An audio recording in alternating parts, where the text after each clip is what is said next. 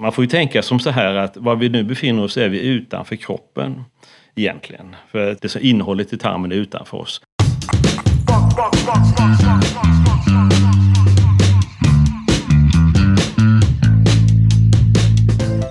Hej och välkomna till Akademiliv, en podd från Sahlgrenska akademin, den hälsovetenskapliga fakulteten vid Göteborgs universitet. Idag är det Elin och jag Susanne som är kommunikatörer här vid fakulteten som håller i podden. Mm, och idag så gästas vi av en av våra absoluta världsstjärnor här på Sahlgrenska akademin. Det är en forskningsledare och en professor vars upptäckter öppnat ett helt nytt forskningsfält och som skrivit om läroböckerna i anatomi. Gunnar C Hansson, välkommen hit. Tackar. Du, vad står C för? Jo, det kommer sig. Ja, det finns egentligen två skäl till det hela. För det första var det så att jag har en, en kompis till mig som Göran Hansson som är numera eh, ständig sekreterare i Vetenskapsakademin. Han var här tidigare och han heter Göran Hansson och förkortningen blir G Hansson. Och han hade också problem så han satte dit ett K. Då satte jag dit ett C. Men sedan, sedermera har det också visat sig att det finns ju en till Gunnar Hansson på Göteborgs eller fanns rättare sagt en, en eh, författare. Mm. Och han, han, har ett D, så att det finns Gunnar D och Gunnar C på Göteborgs universitet numera. Det är viktigt sådär i forskningskretsar förstås att man kan skilja ut sig från de andra. Ja precis, jo men det, det finns, bara, det finns bara jag i världen som har eh, Hansson GC som initialer. Mm. Men det ser snyggt ut tycker jag. Så att, ja, ja, ja. Fast jag tvingades ändra. Jag heter egentligen CG Hansson men jag har till och med bytt det i mitt pass numera för att det ska stå rätt, i rätt ordning. Men vad står det för? Klas. Klas. Ja, det var så. Ha.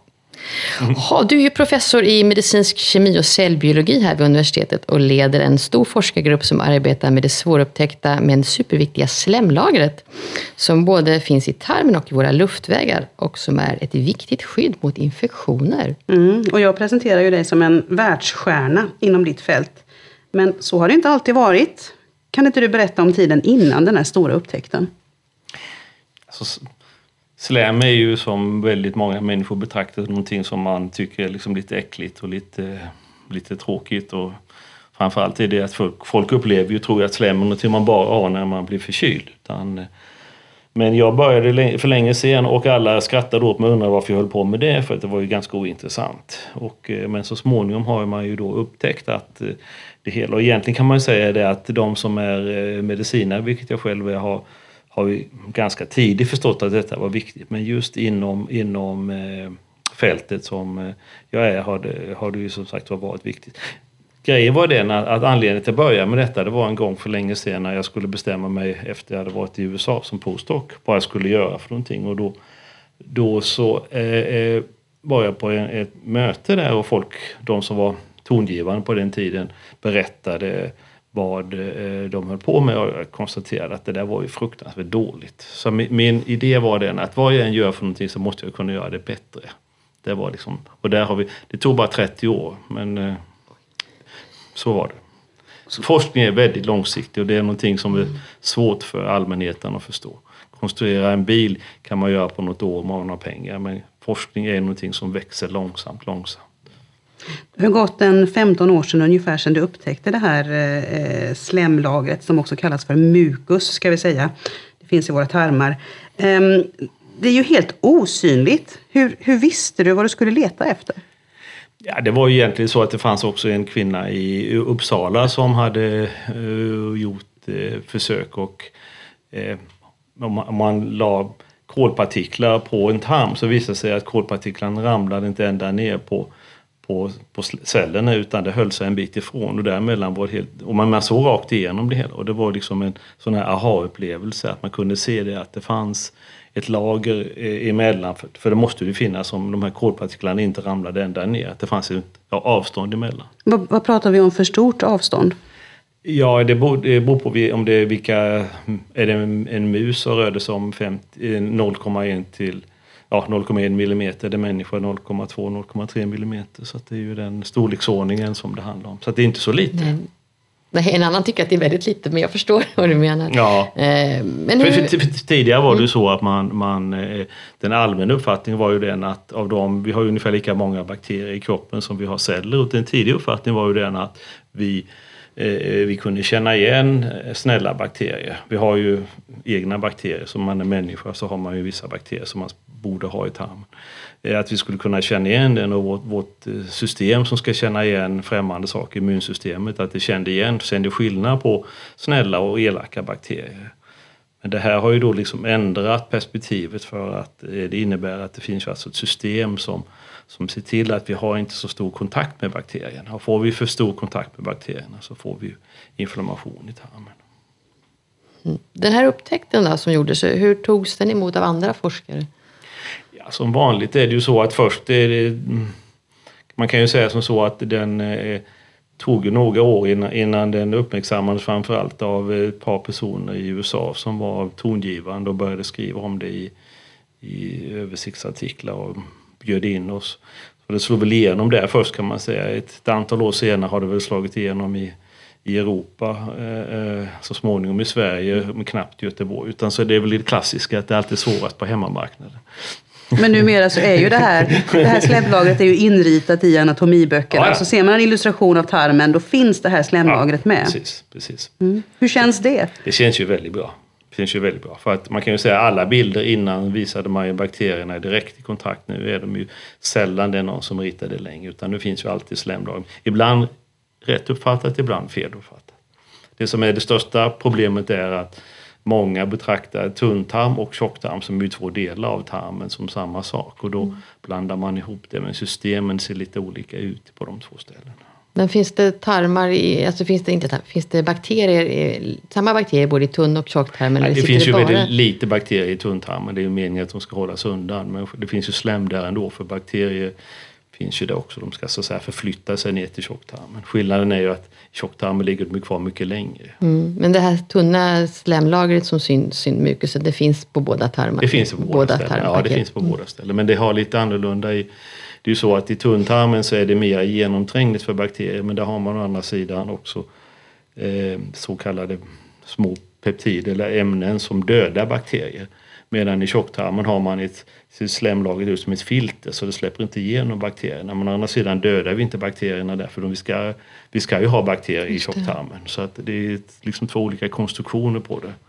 Du och din grupp har ju lagt jättemycket möda på att undersöka närmare hur det här slemlagret Eh, skapas, hur det upprätthålls, hur det skadas. Mm. Kan du berätta, nu vet jag att det här, du skulle ju kunna prata om det här hur länge som helst naturligtvis, men de viktigaste aspekterna i den här processen som ni har undersökt? Man kan ju säga det att vi fortfarande trots eh, dessa år som har gått är vi ju Ja, vi började med de här huvudsakliga molekylerna började vi ju med för 30 år sedan och vi förstår ju fortfarande ganska lite om hur det här fungerar egentligen kan man säga. Det enda man kan säga är att de här typerna av molekylerna är jättestora och de bildar eh, nätverk som ser ut som, eh, de bildar sexringar som lägger sig på varandra i, i, i, i skikt och det är det som gör att det blir som ett filter. Och det där eh, hur det där, man får ju tänka som så här att var vi nu befinner oss är vi utanför kroppen egentligen. För att det, tarmen är utanför oss. Det som innehållet i tarmen är utanför oss. För skulle vi betrakta det som våra då så skulle ni som sitter här vara hälften bakterier, hälften människoceller. Och det, tycker jag inte, det tror jag inte ni vill tänka att det är mm. så. Utan, utan ni tänker nog att ni är nog människor i alla fall. Eh, och, och därför så är ju det som finns i tarmen är ju utanför oss. Och, och då ska, får man ju förstå det att, att det som görs där det skickas ut. Det är nästan som att skicka ut i free space. Alltså ut i rymden. För det finns ingen kontroll på det längre. Så att allting måste vara inbyggt i systemen hur de här hur det här, hur det här är gjort. Och det måste finnas med den, de information. Och det här är ju ett, ett, eh, som sagt ett komplext system. Det som man kan också se är ju att systemet är byggt att det finns ju ett, ett kontinuerligt underhållssystem som gör att det här förnyas hela tiden. Som förnyar det här slemlagret en gång i timmen så att man liksom bildar helt nytt och, och skicka, skicka och sen på andra sidan när det kommer mot, mot tarmens eh, eh, inre eller, eller lumen som vi säger på, på latin så, så ändras det så att man kan lossna så att det kan skickas iväg och tas hand om bakterier som kan käka upp det hela. Men, eh, eh men sen också så att, att eh, det här lagret måste förnyas eh, och då eh, eller rättare sagt, om det nu blir så att det blir stressat av någon anledning så finns det ett annat system. Då finns det särskilda celler som känner igen eh, som är andra försvarslinjer som känner igen när bakterier kommit igenom slemmet och, och tömmer sig ut. Och sen finns en tredje försvarslinje vi nu hittar som gör att de bakterier börjar ta sig ner längre ner i det som heter krypter, de hålrum som finns i, i, i tjocktarmen. Så kommer det också att aktiveras. Problemet är det att det här systemet är gjort för att försvara sig. Det är ungefär som i militära, att vi, vi har en första försvarslinje, en andra och en tredje. Mm. Men när de sviktat till slut så kommer bakterier närmare oss och det är då inflammation uppkommer. Då uppkommer ju eh, så småningom kan man få ulcerös kolit och den typen av inflammatoriska sjukdomar i tarmen. Mm. Så slemlagret, är, när det stöts ifrån på något sätt så äter bakterierna upp det? Ja, bakterierna är ju så här, bakterierna lever i, i det som vi kallar det yttre slemlagret och de, de är ju där för att eh, göra detta och de käkar upp, för de här molekylerna vi håller på med är väldigt rika på kolhydrater, 80 till 90 procent är kolhydrater av dem. Och eh, de är, är gjorda så att hälften av deras eh, gener är gjorda för att ta hand om dels sådana här kolhydrater från oss men också kolhydrater från, från födan. För det är ju så att vi kan ju bryta ner alla typer av proteiner men inte kolhydrater. Kolhydrater är det bara stärkelse och mm, socker, strösocker vi kan bryta ner. Allt andra form, det som man säger fibrer, det är ju, in, det är ju kolhydrater på olika sätt. Som inte vi har enzymer för att bryta ner, men bakterierna har det. Hur som helst, de här bakterierna käkar upp det här eh, slemmet och, och eh, eh, skickar tillbaka energin till oss. Oj, vad fantastiskt. Ja, eh, I form av små, små, eh, små fettsyror. Och, eh, så vi får tillbaka energi. Så är det så att har man inte bakterierna så förlorar man mer energi än vi skulle gjort på Så det är viktigt sätt. att underhålla bakterierna? Ja, och de, är alltså, de, de, har, ju uppkom, de har ju funnits där hela tiden mm. med oss. Så Just de är ju verkligen symbios. Och dessutom är det så att vi vet nu, och det, är det, som, det som är väldigt intressant just nu, det är ju att försöka förstå hur de här bakterierna kan signalera till oss att bilda mera slem det gör de. Just det. Du nämnde ju eh, sjukdomen ulcerös kolit. Mm.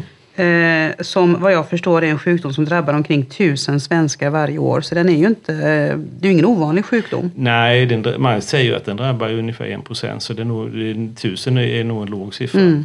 Eh, utan det är ju en, eh, och den är ju stigande i västerländsk befolkning. Mm. Du, du, har ju inte den om du lever i i Indien finns den i princip inte. Vad beror det på? Det beror på bakterier och föda. Det beror på två saker. Mm. Det beror på att vi, lever, vi använder så mycket antibiotika så att vi, vi eh, eh, har så att säga, utarmat vår, vår, vår eh, bakterieflora lite mm. grann. Och dessutom så föder vi inte bakterierna ordentligt. Indien äter ju väldigt mycket, mycket fiber och annat. Det gör, det gör inte vi i västerlandet. Så att, och man kan ju, vi har ju gjort ett, ett nyligen en publikation där, där som visar att om man ger möss en västerländsk kost så blir det här inre slemlagret penetrabelt för bakterier efter tre dagar.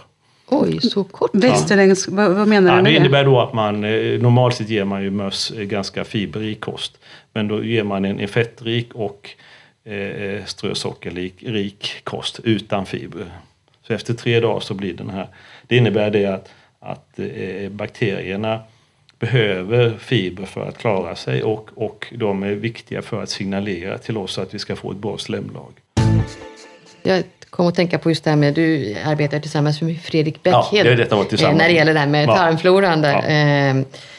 Eh, och du, är mer inriktad på tarmområdets ja, så är han mer inriktad på vad som finns i tarmarna och alla de olika typer av bakterier som utgör tarmflora. Var det tusen typ, över tusen typer av bakterier? Ja, eller? ungefär. Man säger att det finns tusen olika bakterier ungefär. Mm. Han, eh, så vi, vi är ju intresserade av själva epitelceller och mukuslaget. Han håller på med bakterier och mera lång effekt, långväga effekter från, eh, från en kropp. Men mycket av det där är ju ganska klart nu att det handlar ju dels om, om eh, bakterier, hur, inflammation kom, uppkommer av att det här mukuslaget sviktas. Mera bakterier kan, kan komma igenom.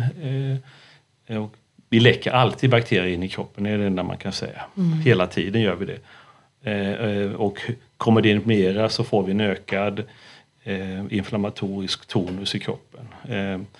Eh, och dels är det så att, att eh, de här bakterierna hjälper ju till som jag sa förut, att signalera till oss att producera bättre skydd så att de håller sig på avstånd. Men de här molekylerna som, som de signalerar till de närmaste cellerna som finns i tarmen, de kan också systemeffekter på hela kroppen och det är ju det som är det som diskuteras väldigt mycket nu, både med vad gäller typ 2-diabetes och en del andra sådana här sjukdomar där man kan se att det finns ju ett antal sjukdomar som ökar i västerlandet. Jag tror att alla de kan man nog hänföra till förändring i tarmen och dess förhållande till bakterier. Och, kanske, och till kosten egentligen. Och till kosten också förstås. Ja, tänkte, vi gjorde faktiskt en podd med Fredrik Päckhede för ett tag sedan. Så den som lyssnar så kan man ju gå in i vårt arkiv och lyssna på Fredriks podd om tarmfloran också om man skulle vilja det. Mm. Ja, vad, vad, jobbar ni mer ihop du och Fredrik? Det var det här med tarmfloran. Några andra beröringspunkter så att säga där ni Nej, det är, det är egentligen det, det är de synergieffekterna. Mm. Ja. Så att det är ju så att han har ju sin eh, sin mikrobiologi, sina bakterier har han egentligen hos oss. Att vi mm. liksom mm. har, vi har vi liksom delar på saker och ting. Så att det, Ett bakteriebibliotek? Ja, det är, alltså vi odlar ju bakterier sådana här mm. från, men det är han som sköter det. Vi är, vi är inte så bra, min grupp eller våra, vi är inte så bra på bakterier i sig utan det är mer han som sköter det. Men den här studien som du pratar om, som du gjorde tillsammans med, ja. med Fredrik bland annat, den här med den västerländska mm, kosten mm, som mm. mössen fick mm. och så på tre dagar så fallerade hela, ja, ja. hela slembarriären. Um, om du får liksom fundera på de mekanistiska sakerna, vad är det som kan, kan alltså hur kan det liksom funka? Hur, hur, hur, vad är det som händer? Det, det, det, är ju inte helt, det, det, alltså det kan man ju säga att det vet vi inte. Men, men eh, ganska klart är ju det att eh, det finns ju två, man får en, eh, redan efter tre dagar så får man en viss förändring i sammansättningen av bakterierna. Så det är ju den ena möjligheten att det är det som gör det. Men jag lutar mig åt den andra frågan är att beroende på hur man, eh, vilk, vilken föda man ger till de bakterier man har så ställer de om sin metabolism och framförallt ställer om sin, sin produktion av, som jag pratade om, de här små molekylerna som signalerar till oss. Att det är det som är själva nyckeln till det hela. Men vi vet inte. Det är ju alltså en, en eh, man kan säga som här att det här är oerhört komplext för att med eh, tusen bakterier i tarmen och varje bakterie har 3-4 tusen gener. Så vi har ju alltså, och vi har 20 000 gener bara eh, hos människan så det finns så mycket fler gener hos bakterierna. Och vi fortfarande skrapar vi på ytan för att vad man just gör idag det är att man tar reda på vilket namn eller vilken grupp som bakterierna tillhör. Men bakterier ändrar sig ju hela tiden. Vad har de, innehåller de för någonting? Och alltså, det, är, det är inte konstant det här systemet. Så vi, vi, vi är ju fortfarande i början på en väldigt komplex ut, utveckling som ju givetvis kommer att, att eh, eh, eh, leda framåt. Och det är nog framförallt nödvändigt för jag tror att för en sak som man inte tänker på riktigt idag det är det att att vi vet ju nu att den bakteriefloran vi har i västerlandet är ju lite utarmad mot, mot hur den kanske borde vara. Eh, och för varje, varje barn som föds så får ju de sina bakterier i huvudsak från sin mamma och så koloniserar de. Och för varje generation så blir mammans bakterier något mer utarmade. Så vi har liksom en, en, en effekt här. Så det kommer, vi kommer på sikt, måste vi göra någonting åt det här. Att lära oss hur vi ska föda våra bakterier, vilka bakterier vi ska ha. Men man kan ju säga så, alla de bakterier som används eller som finns idag i, i hälsokostaffärer och annat, det är ju, det är ju mer eller mindre eh, bluff kan man säga. Det är ju, det är ju, man vet inte vad man håller på med. Du menar som kosttillskott ja, och man så? Vet inte, man, man vet inte vad man håller på med. Och vi får ju mm. säga som vetenskapsmän, vi vet inte heller vad vi håller på med. Så att, för vi förstår det inte riktigt ännu. Men den här utarmningen som sker av bakteriefloran, är det, kan man hänföra det till den västerländska kosten tror du? Bakter antibiotika också mm. säkert. Mm. Det är väldigt viktigt. För vad jag förstår så kan man ju se att människor som flyttar och rör på sig, den här genetiken påverkar ändå eh, mer kanske än kosten i sig. Men som du säger, men på sikt så utarmas det lite. Det, det finns ju sådana här studier, om, som jag nämnde tidigare så har man eh, ulcerös kolit finns ju i princip inte in igen i, i i den mer fattiga befolkningen finns ju bland de rikare mm. som lever mer västerländskt. Men, men flytta indier till, till USA så ser man faktiskt eh, i samma individer eh, är nästan en ökad, alltså nästan högre frekvens av, av ulcerös kolit än, än bland amerikansk befolkning i genomsnitt. Så det är ju mm. det är ganska klart att det är liksom omgivningen som påverkar här. Nu har ju du varit jättetydlig med att, att, eh, att, att, forskningsunderlaget för det här med hur, exakt hur kosten påverkar bakterierna och så, att det inte är riktigt belagt. Och det här med de bakterier som man kan köpa och tillföra, att det inte är riktigt undersökt på ett bra sätt och sådär. Men du själv som, som tarmforskare, har du, har du liksom, tänker du på något sätt när du ska äta saker och vilken mat du väljer att äta för att du tänker det här är nog lite bättre än, än det här i alla fall? Ja, inte speciellt mycket, mer, mer än att eh, gärna sallad och broccoli havregrynsgröt. Och du tänker ändå fibrer där ja. Ja, jo, det är det jag menar. Det är det. Men, men fiber är ju liksom en, en, en, en, det är ju liksom ett folk tror ju att det är samma sak. Det finns ju hur mycket olika sorters fiber som helst. Fiber i, den enklaste fibern är ju cellulosa, den har inte så stor betydelse. Men det finns mycket andra typer av kolhydratbaserade, eh, varför det heter fiber är ju att de är långa trådar mm. och, och baserat på kolhydrater. Det finns ju väldigt mycket olika där och där är vi ju vilka som har betydelse i, i det sammanhanget är också mera... Det låter som det finns hur mycket som helst att forska kring Absolut. det här. Jag tänker, du, du är ju 67 och egentligen pensionär snart, fast det är du ju inte riktigt heller. Du arbetar ju vidare. Men, okay, hur ser generationsväxlingen ut för dig när det gäller yngre forskare?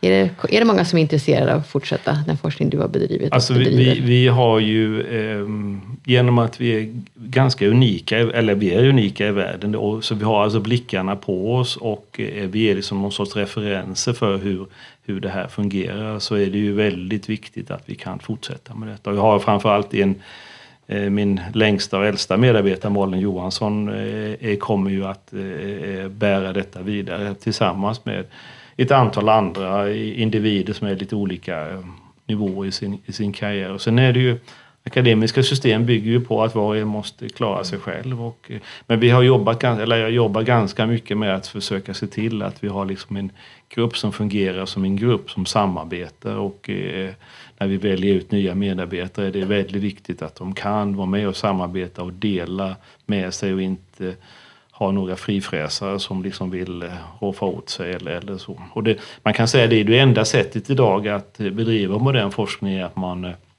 man har ganska mycket medarbetare med olika kompetenser. Så vi, vi kan ju säga att vi täcker, min forskningsgrupp täcker ju i princip alla ämnen från anatomi till eh, fysiologi till farmakologi till kemi och, och, mm. och, klinik dessutom. Bara för att inne i, i gruppen med olika kompetenser som kan olika saker. Och det, det är, fungerar ju väldigt bra på det sättet att man på det kan man ju då så att säga, få hjälp av varandra och det gäller det att varje grupp, varje individ i gruppen har ju egna projekt men de kan då stöttas upp från olika håll och det enda sättet att göra bra forskning idag är att man är stora grupper. Det kan man antingen göra att man har en stor grupp, man har mycket pengar som kan inrymmas i en grupp, men man kan också ha olika individer som har olika kompetenser som samarbetar. Och det, liksom är, det är det senare som är liksom min, min, min målsättning för hur det ska fungera på sikt. Man kan se så att detta är ju egentligen den gammaldags amerikanska modellen att man har liksom en platt organisation med, där man samarbetar mycket. Eh, tyvärr har ju det eh, lite grann förstörts, i synnerhet i, USA på, på senare år, de lite större forskningslabben där eh, de kända ställena eftersom man har fått väldigt mycket eh, ställen där man har konkurrens ifrån. Det, det, kommer man från Kina så avgörs det ju helt och hållet om man kan om man är utomlands och kan man publicera en publikation i, i en impactfaktor över 10 som första författare så är ju karriären klar. Är det impactfaktor 9 så är du död. Oj. Så att det är liksom mm. en väldig, och det gör det att det blir väldigt konkurrensutsatt och det, det, är, ju, det, det är inte bra för forskningen. Man kan säga det när jag började i forskning på 70-talet så var Europa inte så bra för det var väldigt hierarkiskt men nu jag tror att vi har en liten chans och i synnerhet Sverige tror jag har lite goda möjligheter eftersom vi är vana vid att vi ska ha ganska platt organisation och inte öppna dörrar och inte så hierarkiskt. Så du har en ganska positiv syn på forskningsframtiden för Sverige som nation? Ja, det kan man väl säga. Om man, om man sköter sig och tillåter att folk får hålla på med det de ska göra och politiker låter bli att lägga sig i. Jag menar, man kan ju väl konstatera det att de senare affärer vi haft, inte i Göteborg men på andra ställen i Sverige, är ju rätt mycket politiskt orsakade. Mm. Och klart härleda till individer, eller politiska individer där i det sammanhanget. Det är helt klart. Jag skulle vilja gå tillbaka till en studie som du, du nämnde den helt kort eh, tidigare. Det handlar om den här eh, nya subgruppen av celler som jag vet att ni upptäckte, mm. du och, och eh, dina medarbetare. De här som, som är en andra försvarslinje kan man säga. Mm. Kan du berätta lite mer om dem, om den här subgruppen av celler? Det var ju det var George Birchenow som eh, kommer från London som eh, upptäckte dessa baserade på att vi hade gjort en mus som tillverkar det här slemmet som vi har, det tillverkar det så att det är rödfärgat så vi kan se det mycket lättare. Eh, och då så är det, är, sitter det i, i tarmen så har vi, i tjocktarmen så har vi ju då ett lager av slem som ligger och som ska hålla undan bakterierna. Men, eh, och det, tarmen organiseras så att det är en yta men däremellan sitter någonting vi kallar krypto som är liksom eh, försänkningar av epitelet. Och där är det väldigt viktigt att man eh, skyddar så att det inte kommer in bakterier där för det är mycket svårare att skölja bort dem. Då sitter den här cellen sitter i en sådan i varje sådan öppning som känner av om det kommer ner mera bakterier. Och kommer det av mycket mera bakterier så så kommer den att eh, eh, signalera till, till, andra celler som sitter runt omkring och tillsammans så gör man en klump med slem som man eh, tömmer ut för att skölja bort bakterierna. Och sen slutar det hela med att den tar livet av sig själv och skickar ut sig själv. Oj, ja. Ett självmordsuppdrag? Självmordsuppdrag, ja precis. Mm. Och det som är då viktigt i, i detta sammanhanget är att, att eh, då finns det en sån cell per, per krypta och eh, Eh, Eh, vad vi kan förstå så tar det alltså flera dagar att få tillbaka nya. Så det innebär att har man, som jag sa tidigare, har man då eh, eh, eh, sviktar försvarslinjen så kommer ju bakterier att komma in och det är liksom början till det hela. Så systemen är ju inte gjorda för att kontinuerligt vara utsatta för sådana här attacker utan de är gjorda för att skydda oss under av och till. Det är precis som ett militärt försvar. Att det, eh, massiva anfall har man svårare att klara medan enstaka saker är lättare att klara.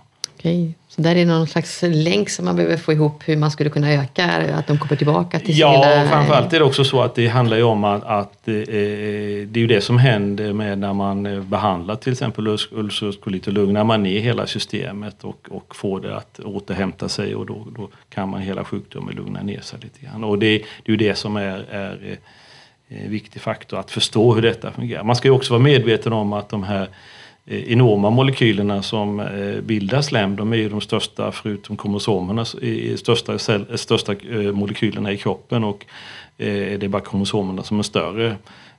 Vi vet inte exakt hur stora de kan bli, de här nätverken, men vi vet att hos människor är de i alla fall millimeterstora de här och det innebär massvis med, med molekyler. Och de är bland de svåraste molekylerna att tillverka i kroppen, som tar lång tid att göra. Det tar säkert dag, en dag för en cell att tillverka de här. Så att det, det gör det att om man tömmer hela tiden så, det, eh, eh, så kommer systemet ha svårt att fylla upp igen. Och framförallt vet vi också det att om man, om man eh, stressar systemet och det ska fylla på sig snabbt så hinner det aldrig bli likt, riktigt lika bra som det ska vara i vanliga fall. Så det innebär att det, man måste liksom få detta att lugna ner sig. Det är inte bara tarmen som har ett sånt här slemskydd utan det finns också i våra luftvägar. Kan du beskriva hur det fungerar där normalt sett?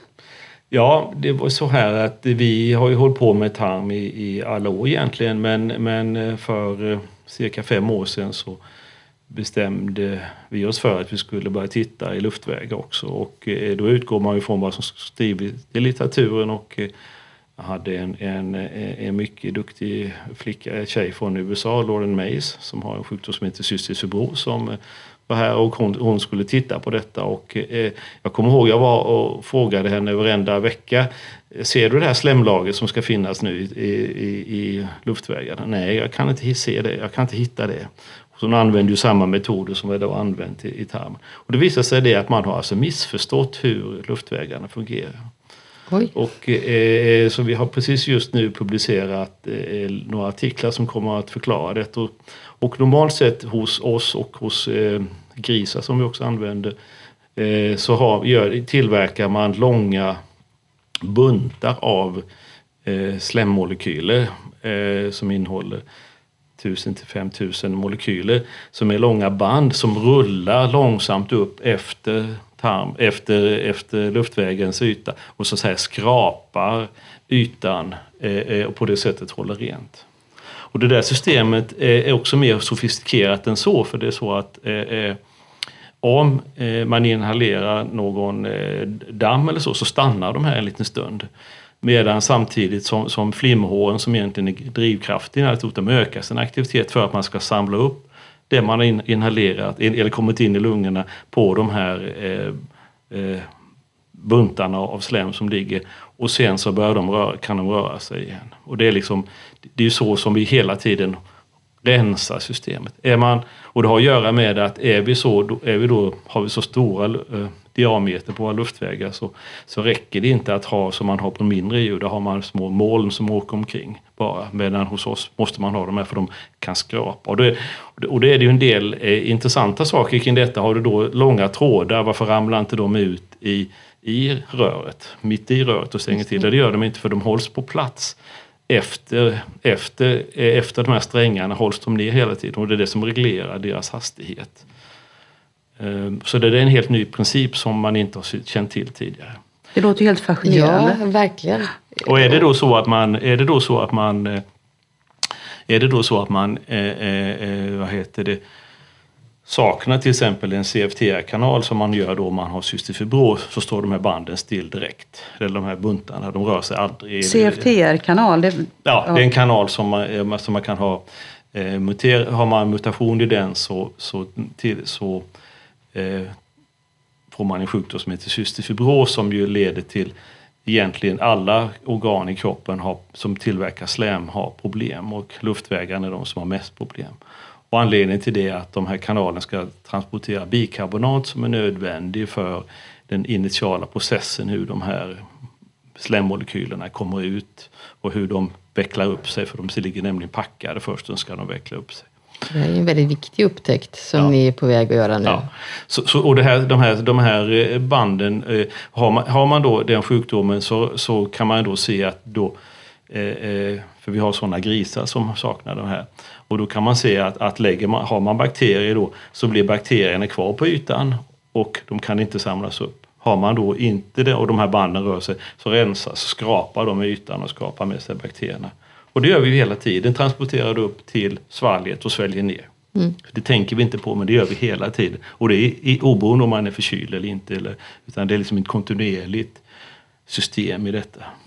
Men du hade alltså en, en student på plats hos dig som, som har den här ovanliga sjukdomen ja. cystisk fibros. Hur, hur, hur, påverkar det henne och alla andra som har den här sjukdomen att, man, att ha den? Det är ju en, det är en svår sjukdom med, eh, som har tidigare lett till eh, tidig död framförallt i lung, lungproblem. För att vad som händer är ju då att om du från födseln inte kan rensa dina lungor så blir bakterierna kvar i lungorna och bakterierna eh, när de blir kvar i lungorna så kommer de ju så småningom att, att förstöra lungorna de, och, och då, då, får man alltså problem. Nu har man då alltså under eh, Lauren var 25 när hon var hos oss. Hon har gått vidare, hon har läst eh, hon har gått medical school i, på, i, i, i San Francisco och är färdig nu med det och eh, gått vidare i livet så att hon Eh, hon har uh, gått bra för henne. Och med anledningen att jag har gjort det är att man, kan, man, man vet att man, uh, om man använder mycket antibiotika hos de här individerna. Det är de enda individer nästan i Sverige, som det finns en del andra också, men vissa sjuk, som, där man måste ha antibiotika hela tiden i princip hos dem, åt dem för att de ska överleva. Utan det så klarar de inte mer än 4-5 år vanligtvis. Nej.